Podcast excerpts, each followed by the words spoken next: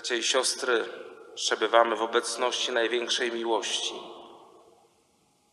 To nie jest symbol, to nie jest pusty gest. To jest miłość, która podtrzymuje ten świat. Jest takie mało znane wydarzenie z życia sługi Bożego kardynała Wyszyńskiego. Czasy powstania warszawskiego, 44 rok. Zapisuje takie słowa. Po obstrzale chodziłem po lesie, żeby sprawdzić, czy gdzieś nie pozostali ranni. Walki trwały 63 dni. Było już wiadomo, że powstanie upadnie, że żadna z wielkich armii nie przyjdzie walczącym z pomocą.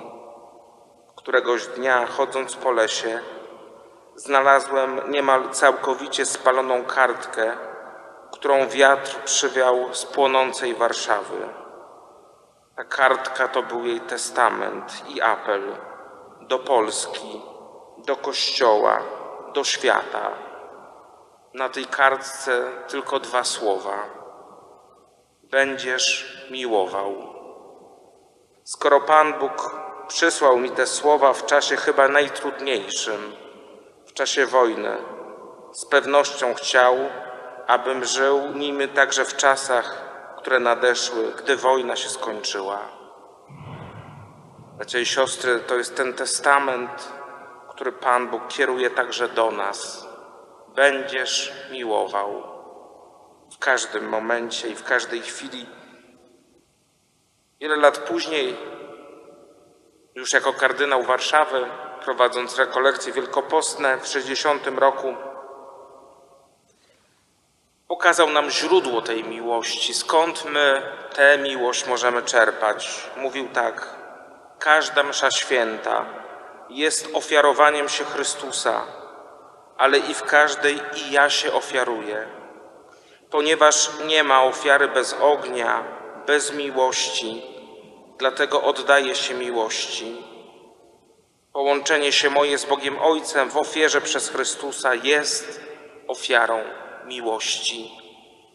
A zatem mamy odkryć, mamy zrozumieć, że przychodzimy na Eucharystię także po to, aby czerpać ze źródła miłości. Tak pięknie o tym źródle mówi papież Benedykt XVI w dokumencie Sacramentum Caritatis.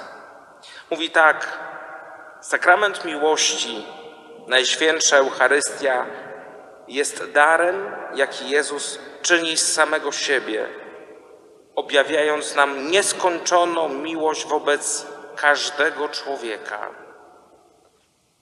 W tym przedziwnym sakramencie objawiła się miłość największa, ta, która przynagla, by życie swoje oddać za przyjaciół swoich.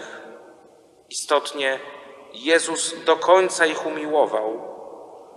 Tymi słowami zapowiada ewangelista jego gest nieskończonej pokory. Jezus, zanim umarł na krzyżu, zanim umarł na krzyżu za nas, przepasawszy się prześcieradłem, umył uczniom nogi. Tak też w sakramencie Eucharystii Jezus nadal miłuje nas do końca.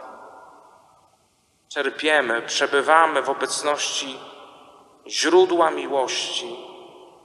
Gdy nie wiemy, jak kochać, gdy nie wiemy, czy damy radę kochać, tym sakramentem przebicia, jak to mówił Jan Paweł II, jest sakrament Eucharystii. Pewnie już żeście nieraz słyszeli o takim wietnamskim biskupie, późniejszym kardynale, kardynale Franciszku Wantuanie. On przez 12 lat przebywał w komunistycznym więzieniu, z czego 9 lat w absolutnej izolacji. Przez 9 lat nie oglądał nikogo. Gdy się czyta, czyta jego wspomnienia, gdy się czyta jego pamiętniki, on pokazuje, że dla niego źródłem przeżycia, tego, że nie odszedł od zmysłów, była potajemnie sprawowana Eucharystia. Żeby móc przyjąć, będziesz miłował. Pisze w samotności pustyni, w mrokach więzienia, skieruj się ku ołtarzom całego świata, na których Chrystus ofiarowuje się jako ofiara. Ofiaruj siebie. Mimo nieludzkich warunków panujących w więzieniu, on nie zaprzestał odprawiania najświętszej ofiary. To takie warunki, że za ołtarz służyło mu małe pudełeczko.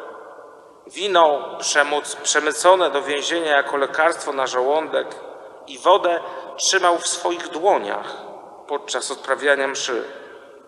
A konsekrowane hostie okryte chusteczkami były później przedmiotem adoracji jego i współwięźniów, często pod osłoną nocy, gdy już przebywał wśród innych, szedł do pryczy, gdzie przebywali katolicy i tam w odosobnieniu, pod osłoną nocy, adorowali największą miłość świata. Przychodzimy tutaj, bo chcemy kochać. Przychodzimy tutaj, aby się wpatrywać, bo nieraz pytamy, czy da się kochać. Ale gdy myślimy o kardynale Wyszyńskim, gdy myślimy o kardynale Wantłanie, gdy przychodzą nam te mocne słowa papieża Franciszka z Wielkiego Postu z zeszłego roku, gdy na placu świętego Piotra sam postawił nam to pytanie, jak długo uważaliśmy, że w tym chorym świecie będziemy zdrowi. Gdy widzimy, że tyle trucizny, tyle zła dookoła, gdzie szukać ratunku, gdzie szukać wyjścia?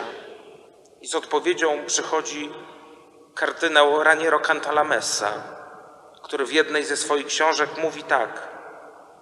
Jezus czyni to wszystko dzięki swojej funkcji serca, ciała mistycznego, bo pyta nas kardynał, co bowiem sprawia serce w organizmie ludzkim?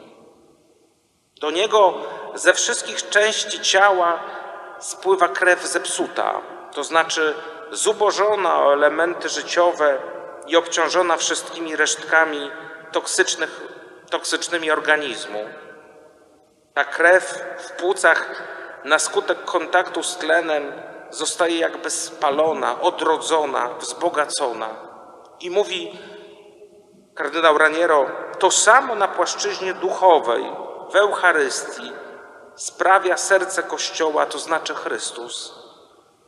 Do Niego spływa w, każde, w czasie każdej mszy świętej zepsuta krew całego świata. Do tego serca w Komunii Świętej wprowadzam mój grzech i wszelką moją nieczystość, by zostały zniszczone.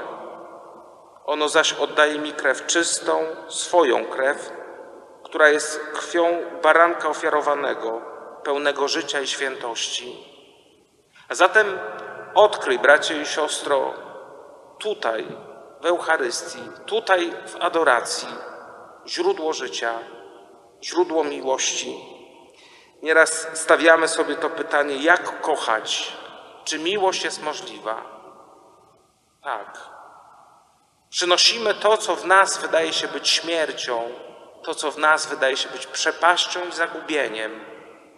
W Eucharystii dokonuje się jakby ta transfuzja. Odbierane jest to, co jest trucizną, to, co jest dramatem, to, co jest zagubieniem, a otrzymujemy Jego krew. Uwielbiajmy dobrego Boga, trwając w adoracji, wpatrując się w tego, który nas kocha. Zobaczcie, że to nie jest przypadek, że w większości kościołów monstrancja jest w kształcie słońca. Potrzebujemy światła, potrzebujemy nadziei miłości. I to się dokonuje. Dlatego trzeba nam wracać do naszych kościołów. To takie piękne, że w Waszej świątyni jest adoracja. To takie piękne, że możemy się tutaj gromadzić na Eucharystii. I pamiętaj, to Jan Paweł II mówi, gdy Ci się wydaje, że stoisz pod ścianą, gdy Ci się wydaje, że się już nie da tej sytuacji rozwiązać, to sakramentem przełomu, sakramentem, który Ci pokaże rozwiązanie, jest Eucharystia jak najczęściej, bracia i siostry, do Eucharystii, do miłości. Amen.